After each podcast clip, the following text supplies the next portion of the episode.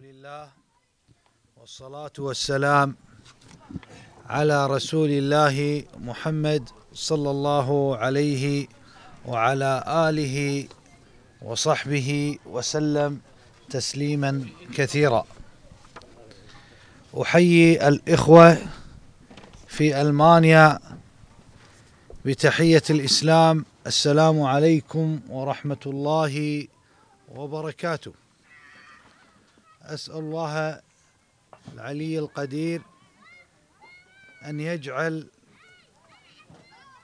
هذا اللقاء على ما كان عليه محمد صلى الله عليه وسلم وأصحابه. كان الاختيار لهذه الرسالة التي حاضر فيها العلامة المجدد الشيخ ناصر الدين الألباني. هذا المجدد الذي شهد له بالمكانة والتجديد لدين الله تعالى. فكما قال العلامة الشيخ عبد العزيز بن باز. عندما سئل عن من هو المجدد في هذا العصر فمما أجاب به الشيخ عبد العزيز بن باز قال المجدد للسنة وللنهج الصحيح هو العلامة ناصر الدين الألباني. وهذا ما قاله كذلك عالم اليمن الشيخ مقبل رحمه الله تعالى. عندما سئل عن الحديث إن الله عز وجل يبعث على رأس كل مئة سنة. من يجدد هذا الدين على ما كان عليه محمد صلى الله عليه وسلم وأصحابه. فقال الشيخ مقبل رحمه الله تعالى وأنا أعتقد أن العلامة المجدد الشيخ ناصر الدين الألباني هو المجدد في هذا العصر. اذا لا بد لأهل السنة من الاعتناء بكتب هذا الإمام الألباني هذا الرجل الأعجمي هذا الرجل الذي خرج من الدراسة وهو في مقتبل العمر. كان نازحا من من ألبانيا إلى بلاد الشام فصدع بالحق ورفع راية التوحيد وقال لأهل الشام في ذاك الزمن أن الصلاة في مسجد دمشق الصلاة في هذا المسجد الذي فيه قبور وأضرحة محرم هذا الفعل وكان هو ابن, ابن عشرين سنة. وقف هذا الموقف وصارع في سبيل رفع راية لا إله إلا الله. أقول كما أن الإمام محمد بن عبد الوهاب المجدد اعتني بكتبه فكذلك ناصر الدين الألباني يجب أن نصنع بكتبه وكتاباته وأشرطته. ما صنعنا في كتب الإمام المجدد محمد عبد الوهاب. فلذلك اشحذ الهمم إلى الاعتناء برسائل الشيخ ناصر الدين الألباني. والتدريس كما نعتني بكتب الإمام محمد عبد الوهاب كذلك نعتني بكتب الألباني ونقرر هذه الكتب ونسعى إلى نشرها وطباعتها وتدريسها هكذا السني. فهذا مجدد رحمه الله تعالى. الإمام محمد بن عبد الوهاب وكذلك الشيخ ناصر الدين الألباني رحمهم الله تعالى جميعا. اذا السني السلفي يعتني جاهدا إلى إحياء المواد السنية. ويحيا في هذه الحياة وهو حامل لراية التوحيد الخالص لله تعالى وإلى إحياء السنة وإماتة البدعة. هذه رسالة السني. هذه رسالة السني. وهذا الدين قد جاء لكل أحد في الأرض. لم يأتي لأناس دون أناس بل إلى الشعوب كافة على اختلاف القدرات وعلى اختلاف اللغات وعلى اختلاف الإمكانيات. وهذا الدين قد يسر بفضل منه ورحمة. هذا الدين قد يسر بفضل من الله تعالى ورحمة. ولقد يسرنا هذا القرآن. ولقد يسرنا هذا القرآن. فالتيسير جاء من الله تعالى للبشرية. أما من يريد أن يجعل القرآن والسنة وهدي الصحابة على طريقة معينة وكأنها خاصة بطائفة من الناس فهذا شذوذ. فمن يستمع إلى أجوبة وإلى كلام الشيخ ناصر في هذه المسألة سيجد البون سيجد البون. بين هدي هذا المجدد وما يريد البعض. لذلك سنسعى إلى نشر هذه المواد وستكون في رسائل عدة وبلغات عدة لهدم من يريد نشر من يريد منع نشر العلم الشرعي والسنة التي كان عليها العلماء ومنهم الإمام المجدد ناصر الدين الألباني.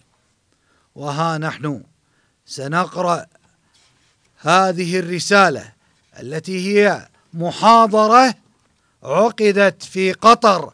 حفظها الله تعالى من كل سوء وشر. وكانت في رمضان. وانظر إلى هدي هذا العالم. هذا العالم الجهبذ. الذي كان يحاضر في معاني عظيمة الأمة بحاجة لها. وما زال هذا العالم يرد ويبين الحق للأمة بلغة غير متكلفة. لاحظ أيها السني بلغة غير متكلفة بطريقة تحقق مراد الله جل, جل وعلا في نشر الدين ونشر السنة وما كان عليه محمد صلى الله عليه وعلى آله وصحبه وسلم وأصحابه. فلذلك سنشرع في قراءة هذه الرسالة من المقدمة إن شاء الله. تفضل شيخ جاسم. قال العلامة محمد بن ناصر محمد ناصر الدين الألباني رحمه الله تعالى بسم الله الرحمن الرحيم مقدمة. الحمد لله والصلاة والسلام على رسول الله وآله وصحبه ومن والاه وبعد. فهذه محاضرة كنت قد ألقيتها في مدينة الدوحة عاصمة قطر في شهر رمضان المبارك من عام 92 وثلاثمائة وألف للهجرة. وقد اقترح علي بعض الإخوان طبعها لما فيها من فوائد هامة ولحاجة المسلمين إلى مثلها واستجابة لطلبهم أنشرها تعميما للنفع بها ومراعاة للذكرى والتاريخ وقد أضفنا إليها بعض العناوين التفصيلية إعانة للقارئ الكريم على استجماع أفكارها الرئيسية وأرجو الله عز وجل أن يكتبني في جملة المدافعين عن دينه والناصرين لشرعه وأن يثيبني عليها إنه أكرم, مس أكرم مسؤول. نعم. منزلة السنة في الإسلام وبيان أنه لا يستغنى عنها بالقرآن. إن الحمد لله نحمده ونستعينه ونستغفره ونعوذ بالله من شرور أنفسنا وسيئات أعمالنا. من يهده الله فلا مضل له ومن يضلل فلا هادي له وأشهد أن لا إله إلا الله وحده لا شريك له وأشهد أن محمدا عبده ورسوله. يا أيها الذين آمنوا اتقوا الله حق تقاته ولا تموتن إلا وأنتم مسلمون. يا أيها الناس اتقوا ربكم الذي خلقكم من نفس واحدة وخلق منها زوجها وبث منهما رجالا كثيرا ونساء. واتقوا الله الذي تساءلون به والأرحام إن الله كان عليكم رقيبا. يا أيها الذين آمنوا اتقوا الله وقولوا قولا سديدا. يصلح لكم أعمالكم ويغفر لكم ذنوبكم. ومن يطع الله ورسوله فقد فاز فوزا عظيما. أما بعد فإن أصدق الحديث كتاب الله وأحسن الهدي هدي محمد وشر الأمور محدثاتها وكل محدثة بدعة وكل بدعة ضلالة وكل ضلالة في النار. وبعد فإني لأظن أنني سوف لا أستطيع أن أقدم إلى هذا الحفل الكريم لا سيما وفيه العلماء الأجلاء والأساتذة الفضلاء شيئا من العلم لم يسبق أن أحاطوا به علما.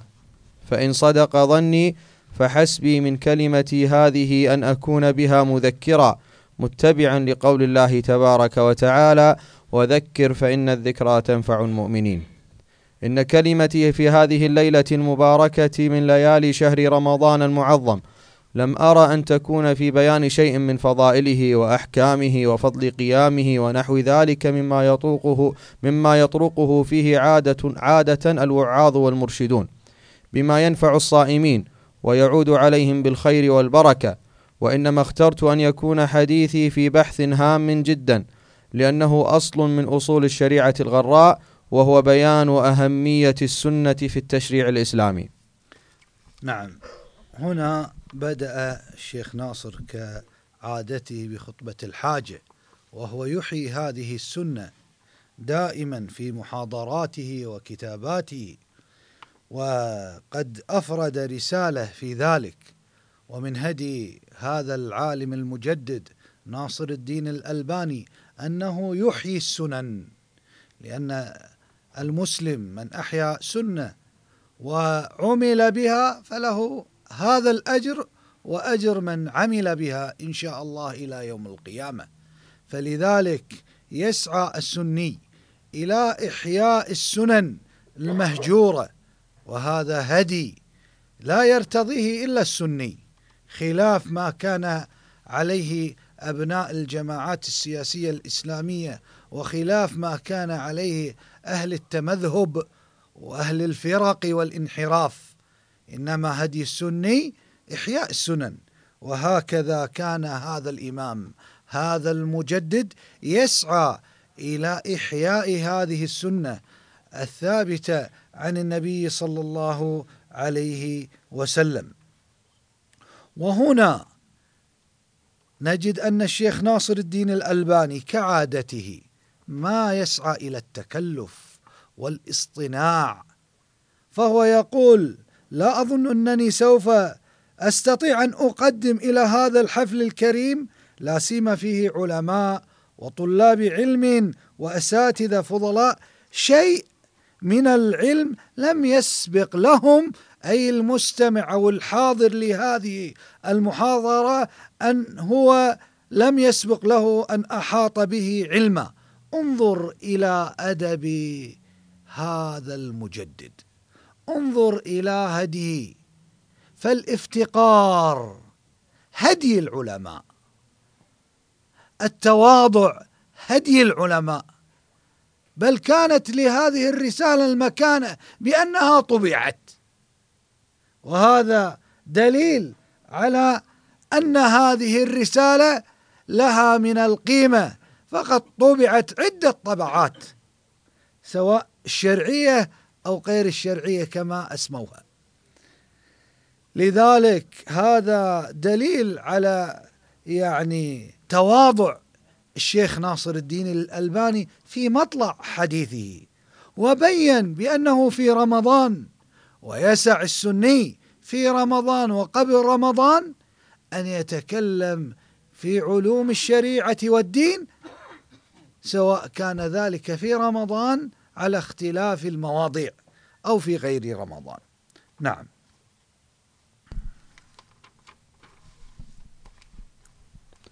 وظيفة السنة مع القرآن. تعلمون جميعا أن الله تبارك وتعالى اصطفى محمدا صلى الله عليه وسلم بنبوته واختصه برسالته فأنزل عليه كتابه القرآن الكريم وأمره فيه في جملة ما أمره به أن يبينه للناس. فقال تعالى وأنزلنا إليك الذكر لتبين للناس ما نزل إليهم والذي أراه أن هذا البيان المذكور في هذه الآية الكريمة يشتمل على نوعين من البيان. الأول بيان اللفظ ونظمه وهو تبليغ القرآن وعدم كتمانه وأداؤه إلى الأمة كما أنزله الله تبارك وتعالى على قلبه صلى الله عليه وسلم وهو المراد بقوله تعالى يا أيها الرسول بلغ ما أنزل إليك من ربك. وقد قالت السيدة عائشة رضي الله عنها في حديث لها ومن حدثكم أن محمدا صلى الله عليه وسلم كتم شيئا أمر بتبليغه فقد أعظم على الله الفرية ثم تلت الآية المذكورة أخرجه الشيخان. وفي رواية لمسلم لو كان رسول الله صلى الله عليه وسلم كاتما شيئا أمر بتبليغه لكتم قوله تعالى وإذ تقول للذي أنعم الله عليه وأنعمت عليه أمسك عليك زوجك واتق الله وتخفي في نفسك ما الله مبديه وتخشى الناس والله أحق أن تخشاه. هنا الشيخ ناصر الدين الألباني بين معنى الآية وأنزلنا إليك الذكر لتبين للناس ما نزل إليهم. إلى معنيين أو إلى نوعين من البيان. فالبيان الأول كما قال هو القرآن لفظ القرآن. وعدم كتمان آية من آيات الله تعالى التي هي في كتاب الله جل وعلا. لذلك أمر النبي صلى الله عليه وسلم أن يقرأ وأن يصدع وأن يبلغ. كل هذه المعاني جاءت بمعنى الأول كذلك في بيان في تلاوة القرآن وبيان القرآن بهذا المعنى أي تبليغ القرآن. وأما استشهاد بأثر أم المؤمنين عائشة وهنا الشيخ قال السيدة عائشة. هذه اللفظة السيدة يعني آه، لفظة ينطق بها أهل مصر وأهل الشام ولكن ليست هي يعني آه، طريقة آه، الصحابة والتابعين وأتباع التابعين. فلذلك لا تجد يعني الشيخ عبد العزيز رحمه الله أو كذا أو العلماء آه، من تقدم أن يقول السيدة عائشة. بل لك أن تقول حب النبي صلى الله عليه وسلم لك أن تقول آه، أم المؤمنين رضي الله عنها وأرضاها.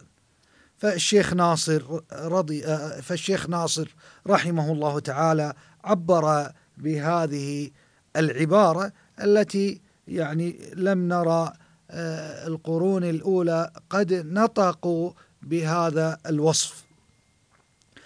أما الاستشهاد هنا آه، الاستشهاد بسبب النزول لزينب وهي كانت زوجة زيد.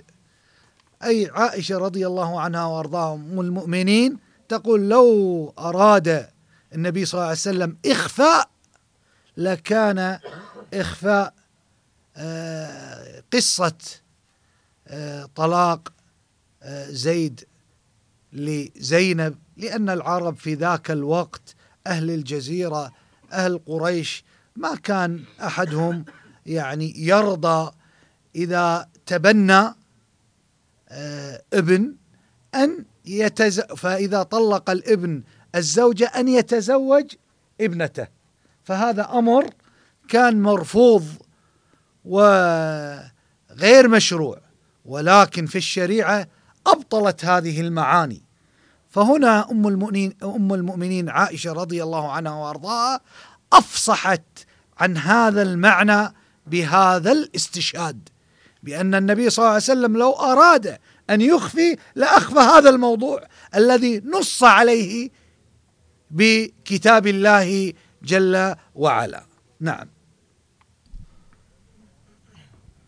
والآخر بيان معنى اللفظ أو الجملة أو الآية الذي تحتاج الأمة إلى بيانه وأكثر ما يكون ذلك في الآيات المجملة أو العامة أو المطلقة فتأتي السنة فتوضح المجمل وتخصص العام وتقيد المطلق وذلك يكون بقوله صلى الله عليه وسلم كما يكون بفعله وإقراره.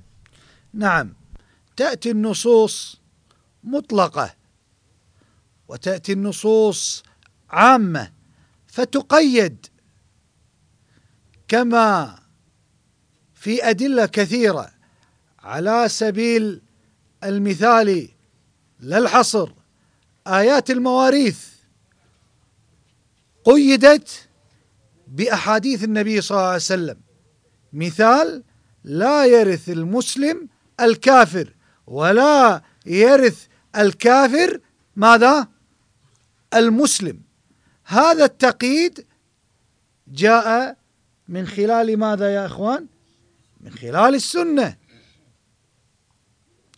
وقس على ذلك من معاني كثيرة تبين هذا المعنى. نعم. ضرورة السنة لفهم القرآن وأمثلة على ذلك. وقوله تعالى والسارق والسارقة فاقطعوا أيديهما مثال صالح لذلك. فإن السارق فيه مطلق كاليد. فبينت السنة القولية الأول منهما وقيدته بالسارق الذي يسرق ربع دينار بقوله صلى الله عليه وسلم لا قطع إلا في ربع دينار فصاعدا أخرجه الشيخان.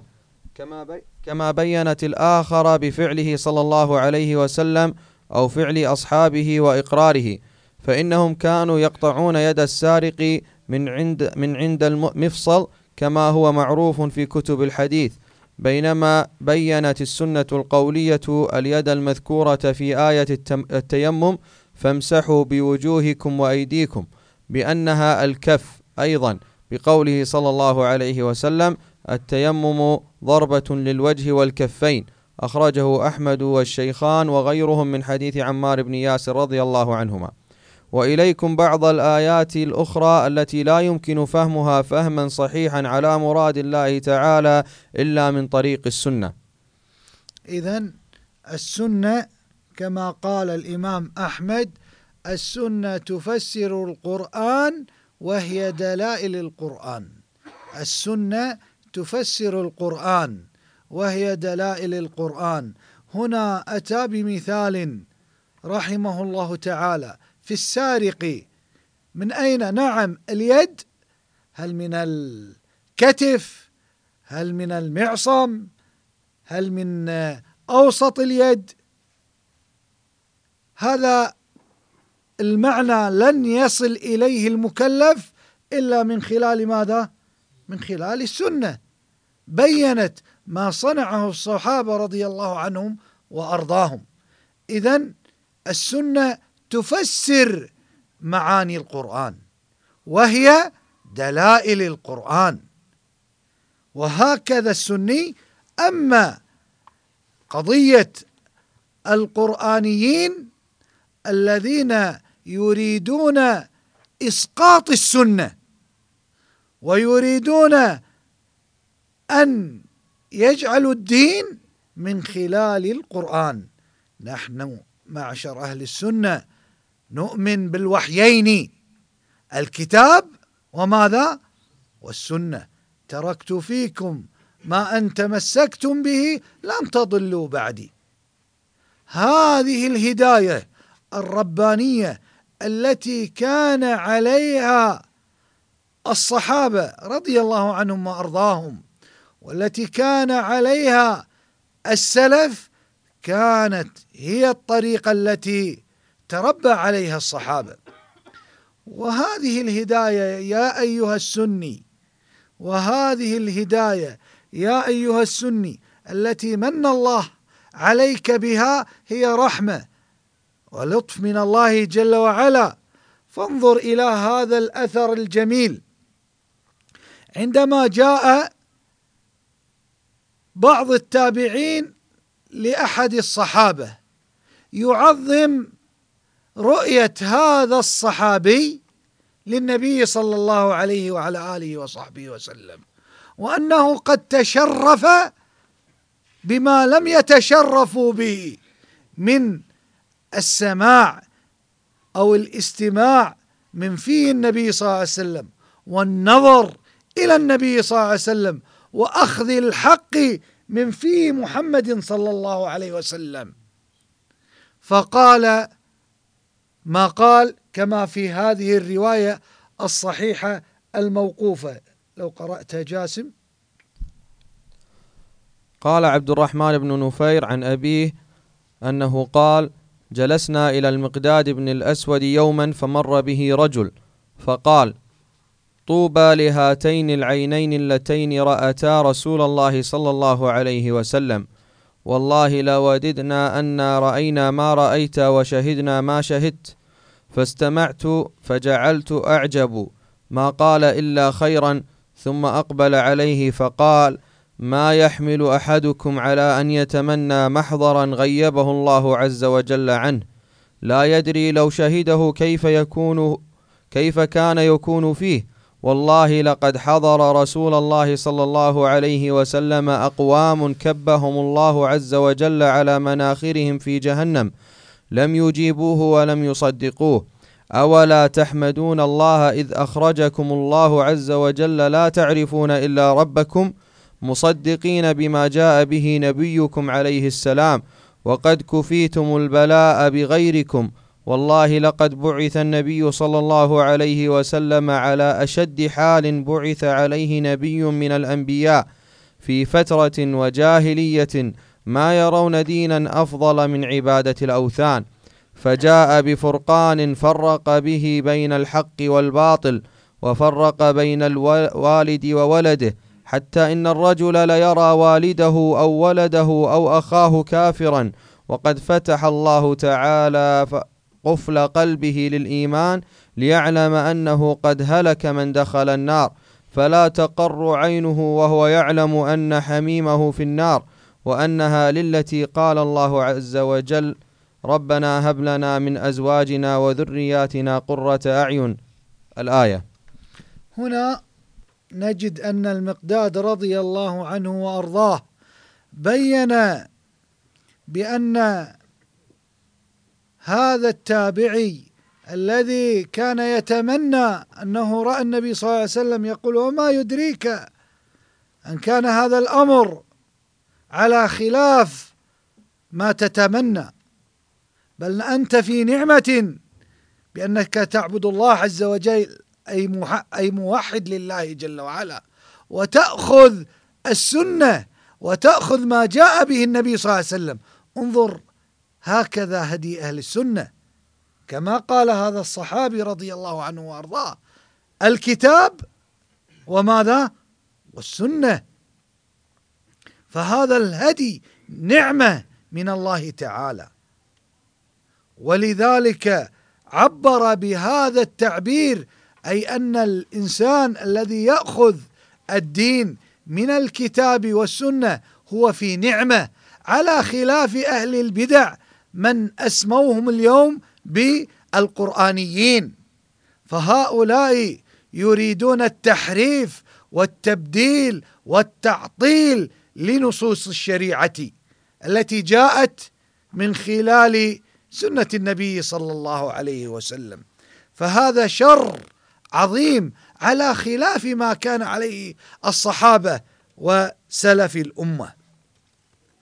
فلذلك الشيخ ناصر الدين الألباني يبين هذه الحقيقة لهذه الأمة بأن هذه النعمة التي كان عليها أصحاب النبي وما عليها وما كان عليه السلف الصالح من الاعتصام بالقرآن والسنة. لذلك قال النبي صلى الله عليه وسلم ألا إني أوتيت الكتاب ومثله معه. ألا يوشك رجل شبعان؟ لاحظ اللفظ. ألا يوشك رجل شبعان على أركته يقول عليكم بالقرآن فما وجدتم فيه من حلال فأحلوه. أي أن هذا الأمر الذي أخبر به النبي صلى الله عليه وسلم وهو من النبوة وهو ماذا؟ من النبوة أن أخبر عن أناس سيأتون فيهم بطر فيهم ماذا يا إخوان؟ بطر جالس على أريكته ووصف بالشبع ووصف بماذا؟ بالشبع ما علة أن قال النبي صلى الله عليه وسلم وهو الذي لا ينطق عن الهوى. لماذا قال الأريكة وقال الشبع؟ فهو وصف دقيق رسالة من نبي كريم لسلف الأمة لأتباع الحق بأن سمة هؤلاء بأنهم أصحاب بطر. وكبر وعلو ويريدون التحريف لدين الله تعالى. فنطق النبي صلى الله عليه وسلم بهذه المقولة أو بهذا الحديث العظيم لبيان أهل الشبع والترف وأصحاب الكبر عن الخضوع لما جاء به النبي صلى الله عليه وسلم. فالنبي صلى الله عليه وسلم صاحب شدة مع أمثال هؤلاء. فانظر عندما رأى النبي صلى الله عليه وعلى آله وصحبه وسلم من يأكل بشماله فقال له كل بيمينك. فقال لا أستطيع. فماذا قال له النبي صلى الله عليه وسلم؟ قال لا استطعت فشلت يده. ماذا قال له؟ لا استطعت فشلت يده. استكبر. استكبر. فدعا عليه النبي صلى الله عليه وسلم. لم يأخذ بأمر النبي صلى الله عليه وسلم. فما كان من النبي صلى الله عليه وسلم ذو الرحمة إلا الدعاء على أمثال هؤلاء. اذا الشدة هدي الأنبياء والرسل ولكن متى؟ إذا جاء المقام الذي يجب أن يكون فيه صاحب السنة صاحب شدة. وبسبب ذكرنا لهذا الأمر أود أن أقرأ للإمام المجدد ناصر الدين الألباني كلام يجب على طالب العلم أن يدرك هذه الحقيقة التي ذكرناها بقول النبي صلى الله عليه وسلم وبدعائه على من امتنع عن سنة النبي صلى الله عليه وسلم بقوله لا أستطيع. كيف عامل النبي صلى الله عليه وسلم؟ هذا العاصي لهذا الأمر. وانظر إلى هدي العلماء. في شدتهم مع المخالف. ونقرأ معا ما قاله الإمام المجدد ناصر الدين الألباني مع من يخالف الحق. نعم. قال رحمه الله في مقدمة السلسلة الضعيفة وفي ختام هذه المقدمة لا بد لي من كليمة أوجهها إلى كل مخلص من قرائنا.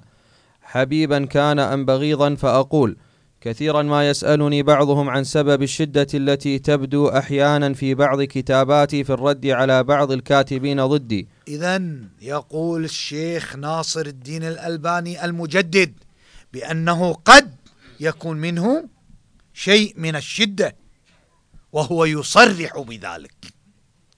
وهذا هدي النبي صلى الله عليه وسلم في الحديث أن عامل المخالف للأثر والسنة بالشدة بل بالدعاء عليه إلى أن شلت يده.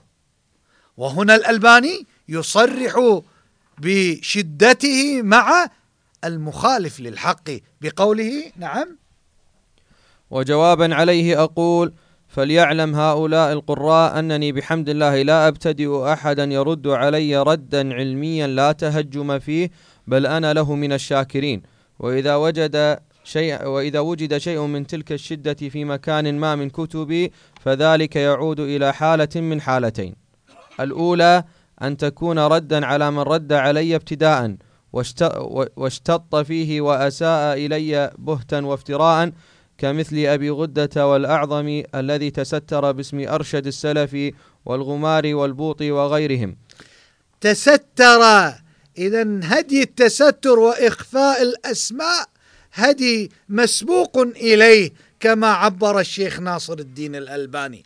وهو أمر منكر وذكره الشيخ ناصر الدين الألباني في هذه العبارة بالتنقص كما عبر بقوله ماذا أعد العبارة؟ والأعظم الذي تستر باسم أرشد السلفي أي نعم أي نعم هذا فعل تستر والسني صاحب صدع. فاصدع بما تؤمر. قد يكون الإنسان ضعيف هنا يجب عليه أن يمسك فالإنسان لا تكليف إلا بمقدور ولا تخير إلا بين مقدور ومقدور. هاي قاعدة شرعية. لا يكلف الله نفسا إلا وسعها. إذا لا تكليف إلا بماذا؟ بمقدور. ولا تخيير في الشريعة بين أمرين إلا بين مقدور ومقدور وإلا ما يسمى تخيير إذا هنا الشيخ ناصر رد على هؤلاء المنحرفة. وعين الشيخ ناصر بالتعيين. فإذا من ك... هذا من هدي العلماء التعيين والتنصيص على هذا. فيأتي البعض يقول هذا هذا السبيل ليس ليس هو سبيل العلماء. انظر إلى كلام الألباني في التعيين. نعم. وغيرهم كالشيخ إسماعيل الأنصاري غير ما مر. وهنا الشيخ الأنصاري عالم سني. عالم سني ولكن نص عليه كذلك. نعم. وما العهد عنه ببعيد؟ ومثل هؤلاء الظلمة لا يفيد فيهم في اعتقادي الصفح واللين بل إنه قد يضرهم. وي... إذا جعل الصفح واللين يضر الصفح واللين ولكن في مثل هذا المقام. وهنا حكمة المجدد الذي قال عنه الشيخ عبد العزيز بن باز قيل له من المجدد في هذا العصر؟ لم يقل فلان ولا فلان إنما قال ناصر الدين الألباني. انظر لهذا المجدد. ماذا يقول؟ وكيف لطلاب العلم أن يتتلمذوا على هذا المجدد الذي شهد له بذلك الشيخ عبد العزيز بن باز وشهد له عالم اليمن مقبل بأنه لو كان هناك مجدد في هذا العصر فهو ناصر الدين الألباني. ماذا يقول؟ نعم. بل إنه قد يضرهم ويشجعهم على الاستمرار في بغيهم وعدوانهم. كما قال الشاعر إذا أنت أكرمت الكريم ملكته وإن أنت أكرمت اللئيم تمردا. ووضع الندى في موضع السيف بالعلا مضر كوضع السيف في موضع الندى. بل إن تحمل ظلم مثل هؤلاء المتصدرين لإرشاد الناس وتعليمهم قد يكون أحيانا فوق الطاقة البشرية. ولذلك جاءت الشريعة الإسلامية مراعية لهذه الطاقة. فلم تقل والحمد لله كما في الإنجيل المزعوم اليوم من ضربك على خدك الأيمن فأدر له الخد الأيسر ومن طلب منك رداءك فأعطه كساءك بل قال تعالى فمن اعتدى عليكم فاعتدوا عليه بمثل ما اعتدى عليكم. الله الله الله إنه مجدد الأمة. ناصر الدين الألباني. انظر إلى اللغة انظر إلى الفصاحة. انظر إلى العبارة انظر إلى الوضوح. هكذا نهج العلماء. نعم. وقال تعالى وجزاء سيئة سيئة مثلها. وأنا ذاكر بفضل الله تعالى أن تمام هذه الآية الثانية فمن عفا وأصلح فأجره على الله إنه لا يحب الظالمين. ولمن انتصر بعد ظلمه فأولئك ما عليهم من سبيل. إنما السبيل على الذين يظلمون الناس ويبغون في الأرض بغير الحق. أولئك لهم عذاب أليم ولمن صبر وغفر إن ذلك لمن عزم الأمور. ولكني أعتقد أن الصفح المشكور والصبر المأجور إنما هو في من غلب على الظن أن ذلك ينفع الظالم ولا يضره ويعز الصابر ولا يذله كما يدل على ذلك سيرته صلى الله عليه وسلم العملية مع أعدائه. وقوله صلى الله عليه وسلم أشد الناس عذابا يوم القيامة رجل قتل نبيا أو قتله نبي. وأقل ما يؤخذ من هذه الآيات ونحوها أنها تسمح للمظلوم بالانتصار لنفسه بالحق دون تعد وظلم. كقوله تعالى لا يحب الله الجهر بالسوء من القول إلا من ظلم والسنة تؤكد ذلك وتوضحه كمثل قوله صلى الله عليه وسلم لعائشة حين اعتدت إحدى ضراتها عليها دونك فانتصري انظر. انظر إلى هذا الاستشهاد وفقه ناصر الدين الألباني من هذا الأثر العظيم. تفضل. قالت فأقبلت عليها حتى رأيتها قد يبس ريقها في فيها. ما ترد علي شيئا. فرأيت النبي صلى الله عليه وسلم يتهلل وجهه. يتهلل وجه النبي في الرد إذا كان هناك خطأ. يتهلل وجه النبي. انظر إلى دقة استشهاد الشيخ ناصر أنه استل هذا الاستشهاد واستنبط من ذلك كيف أن النبي صلى الله عليه وسلم تهلل في الرد على المخطئ. وهنا فقه وهنا فقه للشيخ ناصر الدين الألباني من هذا الحديث. أي تهلل النبي صلى وجه النبي صلى الله عليه وسلم حين يكون الرد على المخطئ. نعم. الحديث رواه البخاري في الأدب المفرد وغيره بسند صحيح وهو مخرج في المجلد الرابع من الصحيحة فأرجو من أولئك القراء أن لا يبادروا بالإنكار فإني مظلوم من كثير ممن يدعون العلم. الله. كيف لا؟ وقد قالوا لا, شيخ له. الألباني لا شيخ له. الألباني عنده ضعف في اللغة. الألباني لا يحفظ القرآن. الألباني الألباني كل هذه إيرادات. ولو وضع ولو وضع علم الألباني ففضل الألباني في كفة. وهذه الجامعات الشرعية مجتمعة. في رسائلها للدكتوراه والماجستير في كفة لرجحت كفة الألباني فلو أزلنا من كل مكتبات الناس رسائل الدكتوراه والماجستير هل تفتقر المكتبة إلى هذه الرسائل؟ ولكن لو أزلنا كتب ناصر الدين الألباني كيف ستكون هذه المكتبة؟ فقيرة فأنت بحاجة إلى أن تعرف الصحيح والضعيف والذي خدم الأمة في هذا الباب وأحيا هذا المعنى هو المجدد ناصر الدين الألباني رحمه الله تعالى. قولوا آمين. أيوة تحركوا شوي. يلا. أي. وقد يكون بعضهم ممن يظن أنه معنا على منهج السلف ولكنه إن كان كذلك فهو ممن أكل البغض والحسد كبده. الله الله الله الله. هنا قول المجدد. هنا قول المجدد. اذا قد يكون سلفي حاسد. قد يكون أنت تجلس إلى شيخ سلفي حاسد. كما ظلم الألباني ينظلم يظلم الآخرين. بهندسة وببلاغة وبطريقة. فتنبه يا عبد الله. فهذا جرى لمجدد لمجدد قد شهد له ابن باز بأنه كذلك. لم ينطق الشيخ عبد عبد العزيز بن باز لأحد بذلك كما نطق للشيخ ناصر الدين الألباني.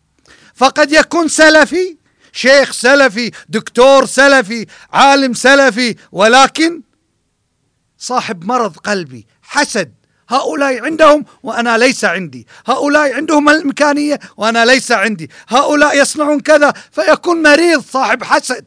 فيأتي باصطناع التهم باصطناع وتجيش الناس. كما جيش ها كما جيش هؤلاء الناس على مجدد العصر.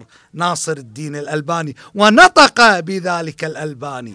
فأعد العبارة بارك الله فيك. فأرجو من أولئك القراء أن لا يبادروا بالإنكار فإني مظلوم من كثير ممن يدعون العلم وقد يكون بعضهم ممن يظن أنه معنا على منهج السلف. ولكنه إن كان كذلك فهو ممن أكل البغض والحسد كبده. فإن كان كذلك فإن كان كذلك أي صاحب علم وصاحب سلفية ولكن أكل ولكن أكل ماذا؟ البغض والحسد كبده. نعم. فتنبه. فإذا جلست مع شيخ كن كيس فطن. فإذا رأيت منه ذلك فتذكر كلمة ناصر الدين الألباني وقل صدق هذا الإمام العالم قد نبهنا من أناس كذلك. نعم. كما جاء في الحديث دب إليكم داء الأمم قبلكم الحسد والبغضاء هي الحالقة. حالقة الدين لا حالقة الشعر. فقد يكون سلفي ولكن حاسد. نعم يحفظ القرآن والسنة وصاحب إجادة وعنده مشايخ ودرس العلم على مشايخ ولكن مريض بالحسد فيه نقص نفسي. لا يجب أن يسخر هذا النص لخدمة أمراضه ونفسه كما سخر ذلك في مقابل هذا المجدد الأعجمي الذي خدم السنة سنة النبي صلى الله عليه وسلم رحمه الله تعالى ناصر الدين الألباني. نعم.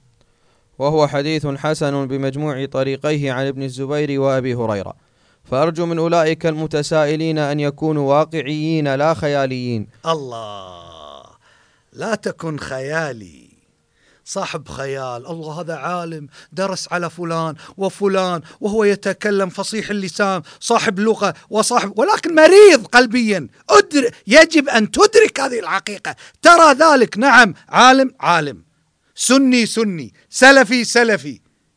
ولكن فيه الحالقة التي نطق بها النبي صلى الله عليه وسلم. مريض فيه حسد فيه نقص فيه نقص. فتنبه إلى هذه الأمراض يا عبد الله من بعض المرضى. وإن كان عالم دكتور اللي تسميه. تفضل. وأن يرضوا مني أن أقف في ردي على الظالمين مع قول رب العالمين. ولا تعتدوا إنه لا يحب المعتدين. غير متجاوب مع ذلك الجاهلي القديم ألا لا يجهلن أحد علينا فنجهل فوق جهل الجاهلين. عياذا بالله أن أكون من الجاهلين.